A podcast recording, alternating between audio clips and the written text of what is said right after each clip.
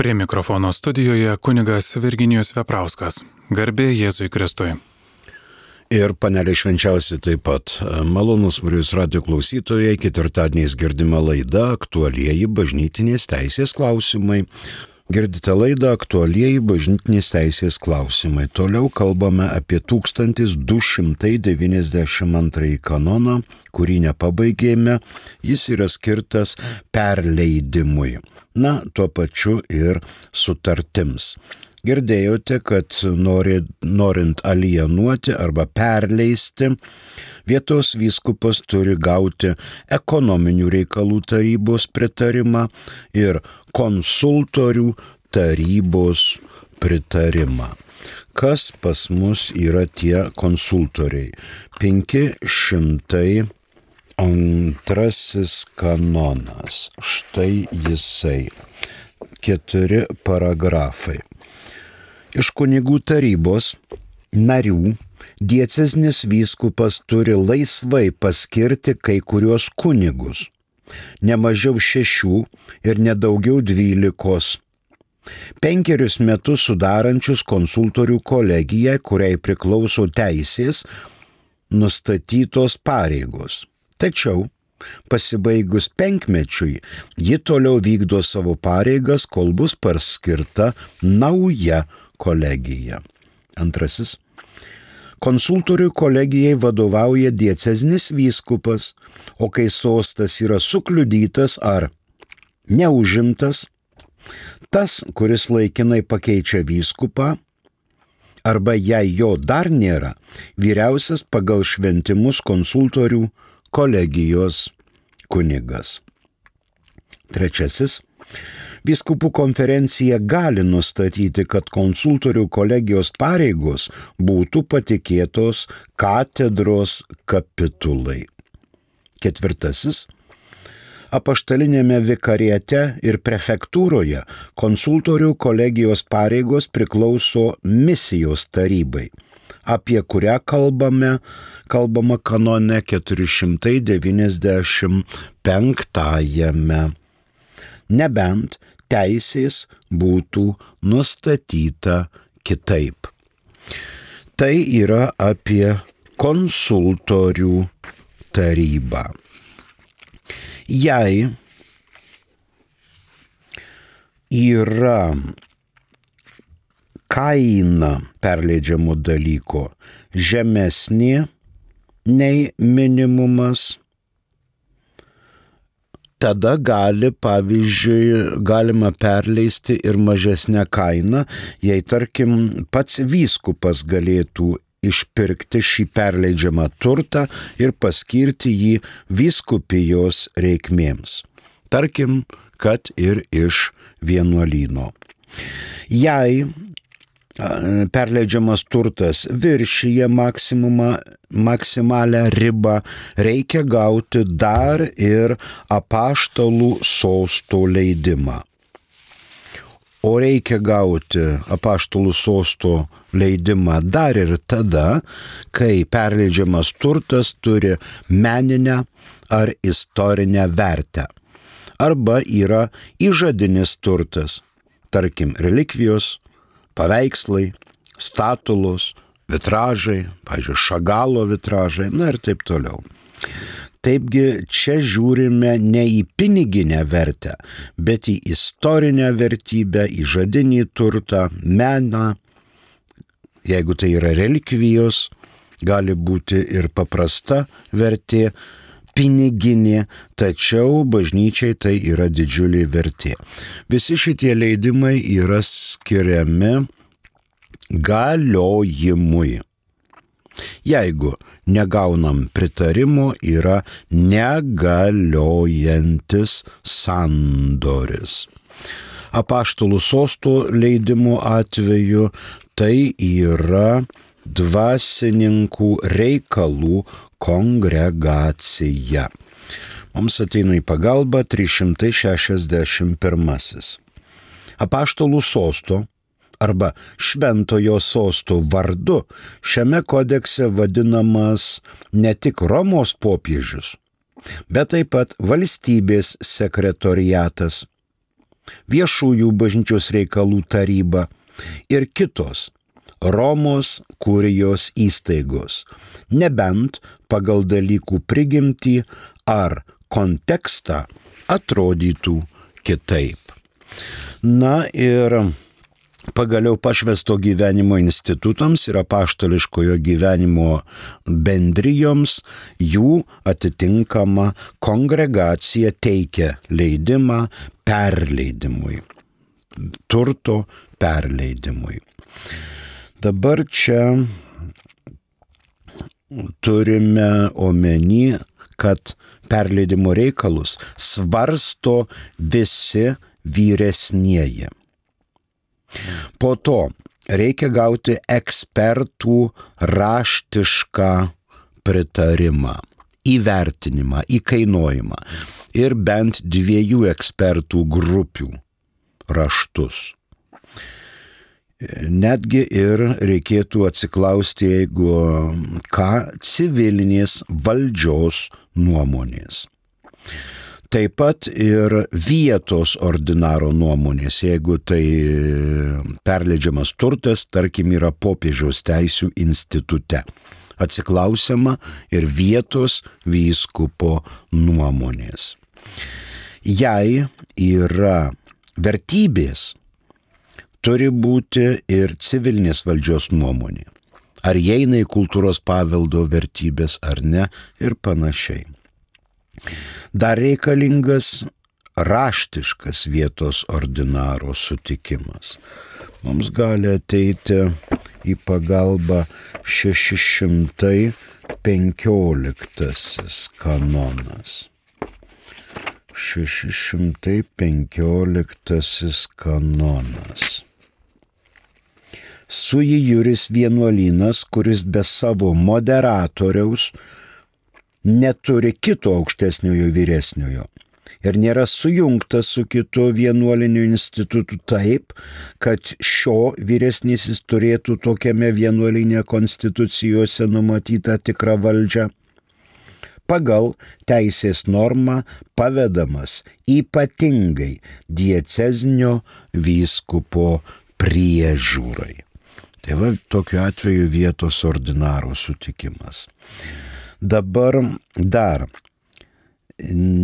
Ar pavel pamaldumo objektas gal yra kokiu nors įsipareigojimų? Ar juos įmanoma įvykdyti, ar juos įmanoma nevykdyti? Tai irgi atkreipiamas, atkreipiamas dėmesys į tokius dalykus. Dabar antra mintis prie 1292 kanono. Gali būti dalykai dovanoti bažnyčiai įžadu. Tai nėra dovanoti bažnyčiai daiktai ar su priesaika įteikti, bet turi būti viešai paskelbti. O taip sakant, padėti ant altoriaus arba prie paveikslo. Bet ne tokios relikvijos kaip ramentai ar darbo įrankiai, žirklės, įla, kad ir Sibirė e, batsiuvys ten taisė kerzinius batus ir išgyveno. Atvažiavęs į Lietuvą, jis davė išžadinį turtą savo įlą, kuri padėjo jam ir jo šeimai išgyventi ir nemirti iš bado. Tai tokie nėra įžadinai. Dabar relikvijų alienacija galima, bet ne jų pardavimas. Jei pastovus vietos pakeitimas relikvijų reikalingas apaštalų sosto leidimas. Taip pat ir statulos, paveikslai, drožyba, liejimai, vario liejiniai didžiuliai meninę vertę turintys, taip pat reikalingas apaštalų sosto leidimas. Ir, aišku, dvasininkų kongregacijos sutikimas. Jeigu paveikslą išneša bažny, iš bažnyčios dėl remonto ar dėl kitų dalykų, tai nelaikoma, bet pastoviam išnešimui arba perkelimui reikalingas vietos vyskupo pritarimas ir apaštalo sosto sutikimas. Vienuoliniai, vienuolynų reikaluose tai yra kongregacijos reikalas, kai vienuolynas priklauso popiežiaus teisėms ir tvarko kongregaciją pašvesto gyvenimo institutų ir apaštališkojo gyvenimo draugijų. Jeigu yra atsiradęs konfliktas, rekursas rašomas apaštaliniai signatūrai. Trečia mintis prie 1292. Jei perleidimas dalomas, jeigu tas daiktas dalomas, pavyzdžiui, žemės klypas, rėžiais, arba daugybė dalomų daiktų vienu metu perleidžiama. Tada po negaliojimo sankcija, jei leidimai negaunami. Tada galima tvirtinti, kad yra negaliojantis aktas. Ekstra atveju, kai dėlsimas atneštų žalą, gali duoti leidimą vietoj apaštalų sosto nuncijus arba popiežiaus legatas. Bet tik tai e, ekstra atveju, kai kažkokie tai potviniai, gaisrai, maro epidemijos, kai neįmanoma susisiekti normaliam sąlygom, nevyksta elektro, nėra interneto, elektroniniais laiškais niekaip negalima susisiekti, tada gali atskiru atveju leisti tokius dalykus ir popiežiaus legatas. Dabar ketvirta mintis patariamieji organai privalo pilnai susipažinti su padėtimi. Dokumentus, aprašus pristato to turto valdytojas, to instituto, parapijos, dekanato, vienuolyno turėtojas, kad nebūtų kažkokios tai ekonominės katastrofos, jis viską, viską smulkiai aprašo ir pateikia svarstymui. Dabar galima dar pasižiūrėti į 127 kanono trečiąjį paragrafą. Visi, kurių prašoma sutikimo ar patarimo įpareigojami nuoširdžiai pareikšti savo nuomonę. Ir jei reikalo svarba reikalauja, tvirtai saugoti paslaptį. Be to, vyresnysis gali reikalauti šios pareigos - laikytis. Šis kanonas yra įvardintas dėl teisingumo ir protingumo motyvų perleidžiant bažnytinį turtą. Čia taikoma kontrolės mechanizmas, tarnaujantis bendram bažnyčiui, bažnyčios gėriui, dėl leidimo perleisti turtą. Kas? Turtas, kuris peržengia maksimales ribas. Dabar galimi variantai. Vyskupo pavaldume tarp minimumo ir maksimumo. Turtas yra tarp minimalios ribos ir maksimalios. Leidžia vietos vyskupas perleisti tokį turtą, gavęs konsultorių tarybos sutikimą ir ekonominių reikalų tarybos sutikimą. Abi dvi, abu du kolegialūs asmenys turi veto teisę.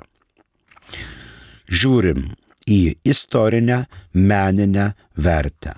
Jeigu tai yra, dar reikalingas apaštalų sostas, sostų leidimas. Jei viršyje maksimalę ribą, čia įeina į žaidimą dar ir krašto vyskupų konferencija. Jei įžadinis turtas, dar reikia ir ekspertų nuomonės.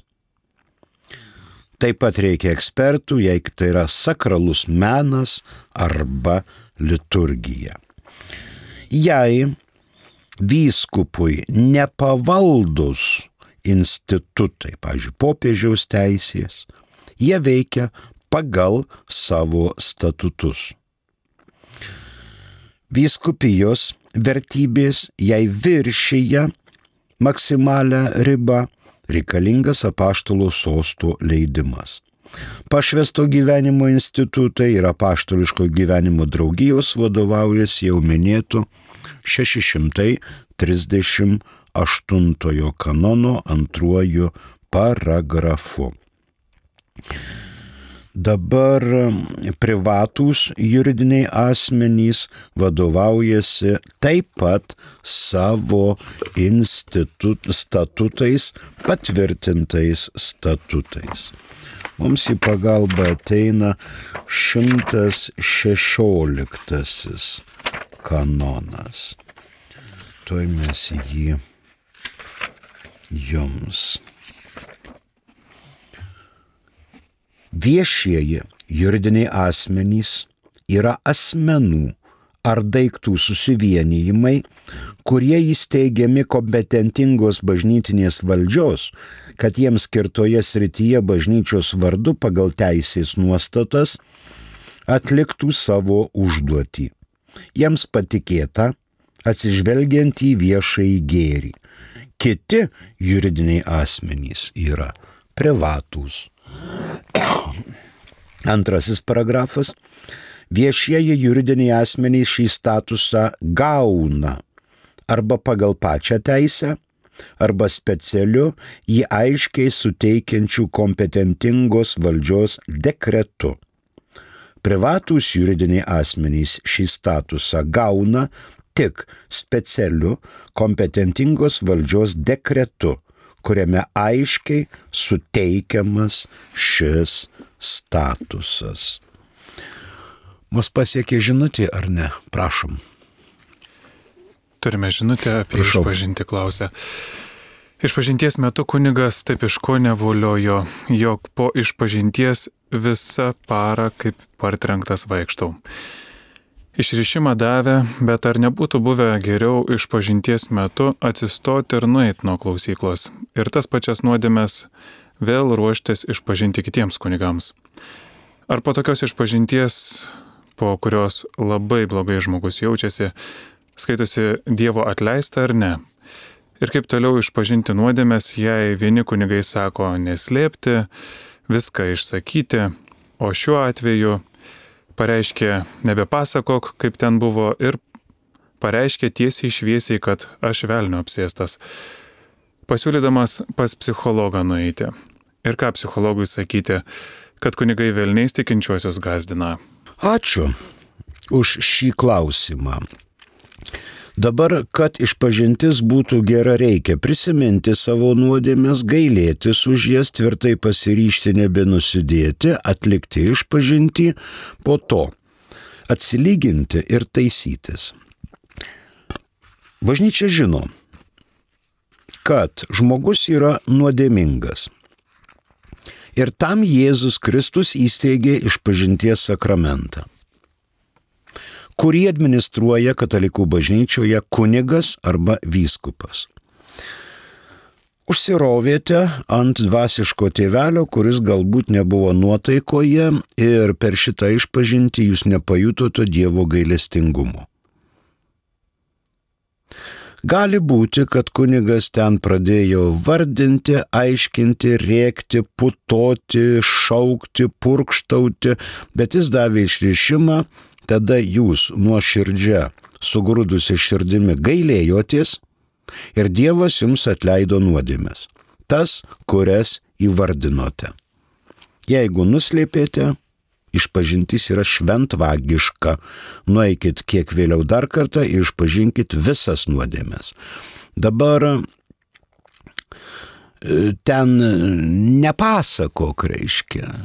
Ir kad tu velnio apsėstas, nu, prakeiksmai, nepapasako, kaip ten buvo ir pareikš tiesiai šviesiai ir taip toliau. Kaip ten buvo. Kartais aplinkybės turi vertės, kartais aplinkybės neturi vertės. Pievose žydėjau ramunėlis, aš jas uoščiau, vaikščiau takeliu, žiogelius rinkau, tai va tokios aplinkybės mums nieko nereiškia. O kitos aplinkybės gali reikšti. Dabar jeigu išpažintis trunka jau kokią ne 10-15 minučių, bet pusvalandį, aišku, kad gali sudrebėti tą klausyklą ir gali kunigas sakys, baig čia nesąmonės pliurpti ir man tų aplinkybių nesakyk. Kunigas yra nuodėm klausys. Jis klauso nuodėmės. Nuodėmės klauso ir duoda išrišimą arba neduoda. Jeigu jis duoda išrišimą, viskas tvarko, jeigu neduoda išrišimo, turi būti pasakyta priežastis. Dėl kokios priežasties kunigas neduoda jums išrišimo. Kokia to priežastis? Nes Dievas suteikė žmogui galę. Kam atleisite nuodėmės, tiems jos bus atleistos, kam sulaikysite, tiems jos bus sulaikytos. Jūsų atveju, aišku, yra Na dabar žiūrim iš jūsų pozicijos. Jūsų atveju, atsiprašau, yra atleistos nuodėmės. Ir dvasiškas tėvelis tiesiai šviesiai pasakė, kad jūs velnio apsėstas velnio apsėstas. Įdomu, kaip tai yra, jeigu velnio apsėstas žmogus ateina atlikti išpažinti.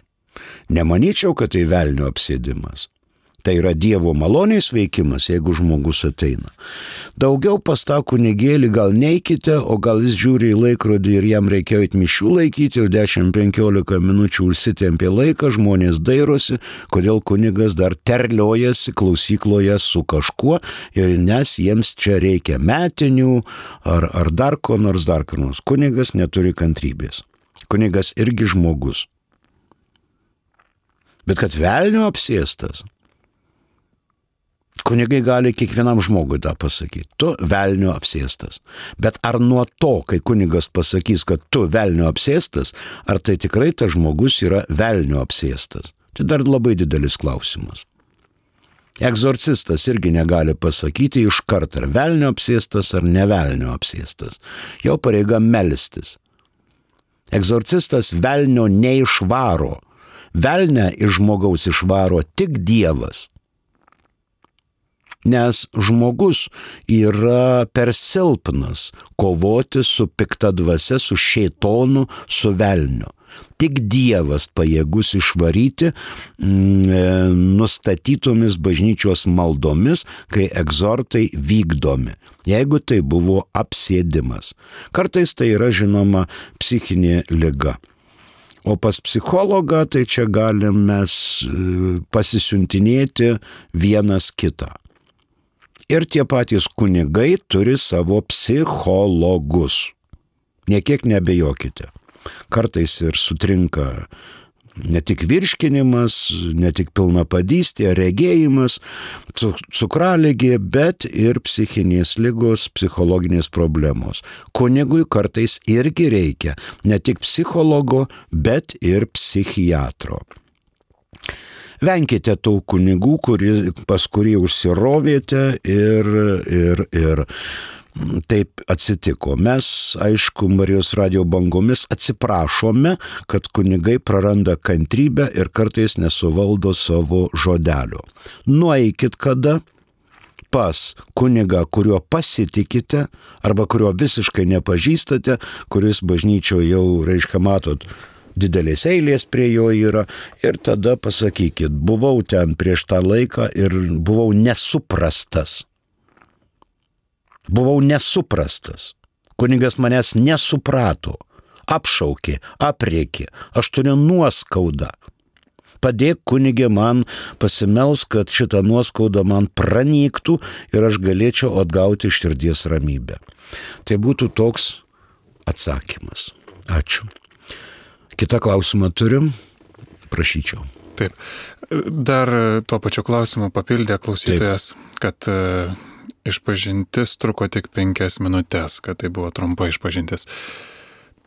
Taip, o kitas klausimas taip pat apie išpažinti. Ar bloga išpažintis, jei per ją ne iš piktos valios įvardini nuodėmę, tačiau tik po išpažinties supranti, kad toje situacijoje nuodėmės iš tikrųjų nebuvo? Nebuvo reiškia nebuvo bet nuodėmė įvardinta ir per kunigo išrišimą ta ir kita nuodėmė yra atleista. Įvardinau nuodėmę, bet po išpažinties supratau, kad tai nebuvo nuodėmė. Reiškia, nebuvo. Kunigo medžiaga yra nuodėmė. Jeigu žmogus ateina, sako, šventas nieko nepavogiau, nieko nenužudžiau ir nieko, nieko, aš viską meldžiuosi ryto vakarą, sekmanys į bažnyčią einu, pasninkus pasninkauju. Tai ko tu eini iš pažinties? Ko? Kunigas negali duoti išrišimo, nes nėra materijos nėra medžiagos. Kunigas duoda išrišimą, jeigu yra nuodėmė. Bet ne tokia, kad mamytės neklausiau, tėvelio neklausiau. Aišku, jeigu ateis ta neščia 11 metų mergaitė po pirmos komunijos ir sakys, kad tėvelių neklausiau, mamyties neklausiau, tai čia yra kitas dalykas. Bet kai ateina, reiškia, pensinio amžiaus žmogus ir sako, tėvelių neklausiau, mamyties neklausiau, tai čia yra ne materija, čia jau gali kunigas tikrai pradėti putotis ir aiškinti. Ar tavo tėveliai gyvi? Ne, jau dešimt metų, kai numirė. Tai ką tu kartoji šitą eilėraštį? Šitą nesąmonę. Nes išpažintis yra susitikimas su Dievu. Kunigas tik padeda žmogui susitikti su Dievu ir teikia gailestingumo malonę. Labai svarbi čia mm, priežastis tokia, momentas, kai žmogus nori susitaikyti su Dievu ir atgauti sielos ramybę. Ačiū, prašau dar. Garbėjai Kristui. Per amžius amen. Pasakyti katalikui, kai jis darbo vietoje pas, e, pasikabinės raganų ir sako, kad ji jį saugo, ragana pasikabinės ir sako, kad jį saugo. Sudrausminti ar nekreipti dėmesio, klausė Virgilijus. Ačiū, Virgilijau. Dabar, e, matot, mes dirbame naujojoje Marijos radijos studijoje ir nepagalvokit, kad dirbantis prie pulto yra baigęs tik tai pradinę mokyklą. Mes kompiuteryje neturime dar po šiai dienai lietuviškų raidžių Ž, E, I nosinės, čia ir panašiai. Todėl vietoj tų raidžių čia yra visai klaustukai, šauktukai, trampampam ir mes negalim kartais perskaityti teisingai šito viso teksto. Dabar katalikas darbo vietoje pasikabinės raganą ir sako, kad jį įsaugo. Sudrausminti ar nekreipti dėmesio sudrausminti galima, bet jeigu jisai pakils iš kėdės ir paleis į mus šiukšlių dėžę, nebus gerai. Jeigu ragana graži ir anšluotos, ilgi plaukai arba į piestą įsėdusi ir jinai skraido. Kas čia blogo? Tai aišku, galima užsiusti ir sakyti, čia yra fetišizmas, čia yra nekreipimas dėmesio į Dievo apvaizdą, nėra pasitikėjimas Dievu. Galis vieną sako, o kitą daro, o trečią masto. Katalikas. Pasikabinės darbo vietoje ragana. Kaži, graži ta ragana ar nelabai? Kiek katalikų pasikabinę mašinose musulmoniškus rožančius arba parsivežę iš musulmoniškus šalių ten tas tokias akis, kur žvelgia, arba tuos iš Palestinos tokius delnus, laiminančias rankas ir panašiai. Jeigu tai padeda gyventi, gyvenkite į sveikatą. Bet po kiekvienos išpažinties prieimu šventą komuniją reikia pasitikėti ne va šitais visais, bet bent jau angelų sargų, kurį kiekviena, kiekvienas iš mūsų turime. Ačiū. Dar turim klausimą, prašau. Daugiau nėra klausimų. Kaip tai nėra? Tai gal aš perskaitysiu, ar jūs perskaitysite? Atsiprašau, perskaitykit jūs, Oi, aš nerandu. Nerandate, tai aš radau čia. Jei žmogus per silpnas velnę išvaryti, kad ir su Dievo pagalba, tai kam reikalingas tas egzorcizmo procesas? Juk šėtonas veikia Dievo priežiūroj. Jei jis. Koks čia žodis? Bažnyčia yra mistinis Kristaus kūnas, o mes jos norėti, kaip mes galim būti materialūs fiziniai ir mistiniai, metafiziniai vienu metu, juk mistika ta. Kartoju, žmogus nėra pajėgus išvaryti velnio ir šėtono iš kito žmogaus. Iš kito žmogaus velnio ir šėtoną išvaro tik tai Dievo pirštas. Nepajėgus žmogus, pajėgus egzorcistas, kuris skaito bažnyčios nustatytas maldas ir tai skaito ne penkias minutės, ir ne penkiolika minučių, ir ne valandą.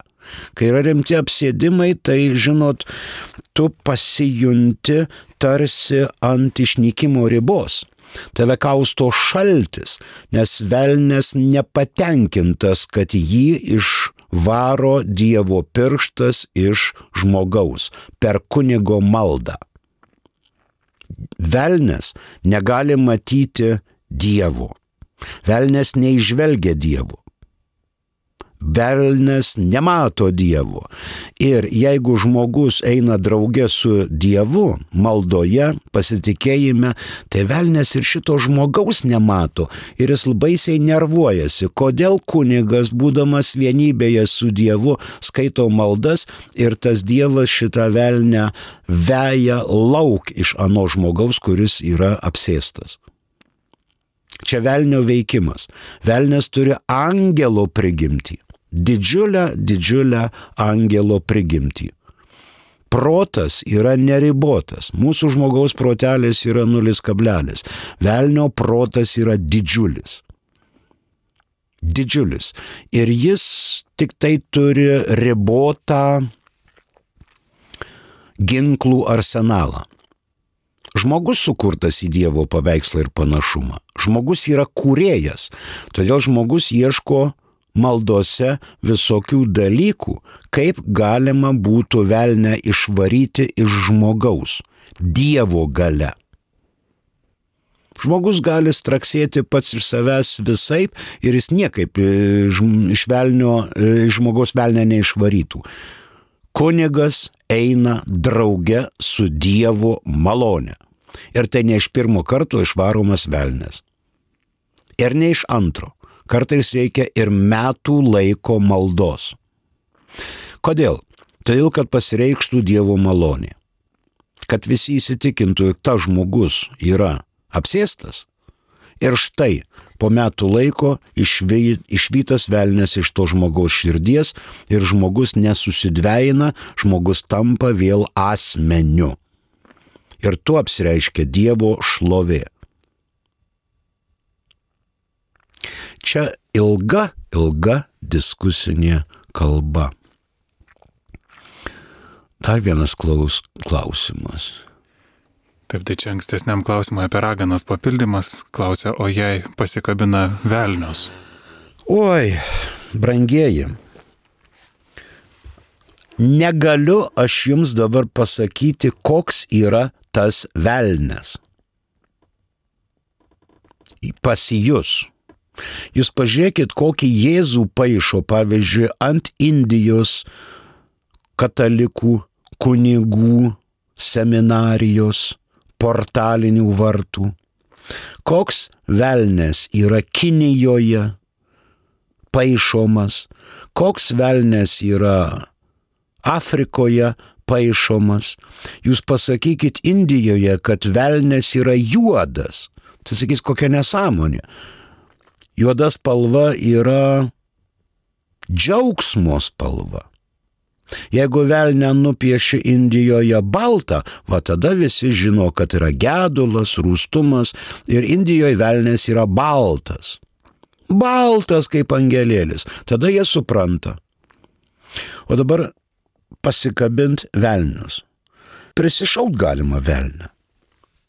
O pasikabinti ir mėgautis, tai čia vėl Žmuidzinavičiaus muziejus, už tai visa Baltarusija buvo kviečiama atvažiuoti į Putvinskio gatvę Kaune ir sakyti, brangieji, brangieji, čia yra velnių muziejus. Taigi mes irgi per užgavinės visokius drožiame pagoniškus, dievukus, kaukės, seniai visokie, vienaakiai, kumpanosiai, su iškištais liežuviais. Tai ką dabar net tokių atvaizdų negalima naudoti. Yra šventys. Yra tautinis kultūrinis paveldas ir švenčiame. Bet kai iš tos užgavinės keurus metus yra ir kabinetų sienuose, nu tai nešis nietas. Tai yra ženklai, kurie gali prišaukti ir piktąją dvasę piktos dvasios mes venkime, ypatingai malda. Ačiū, laikas ištekėjo, nebaigiant 1292 kanono, mūsų laikas išseko, prie mikrofono dirbo kunigas Virginijus Veprauskas. Ačiū ir sudė.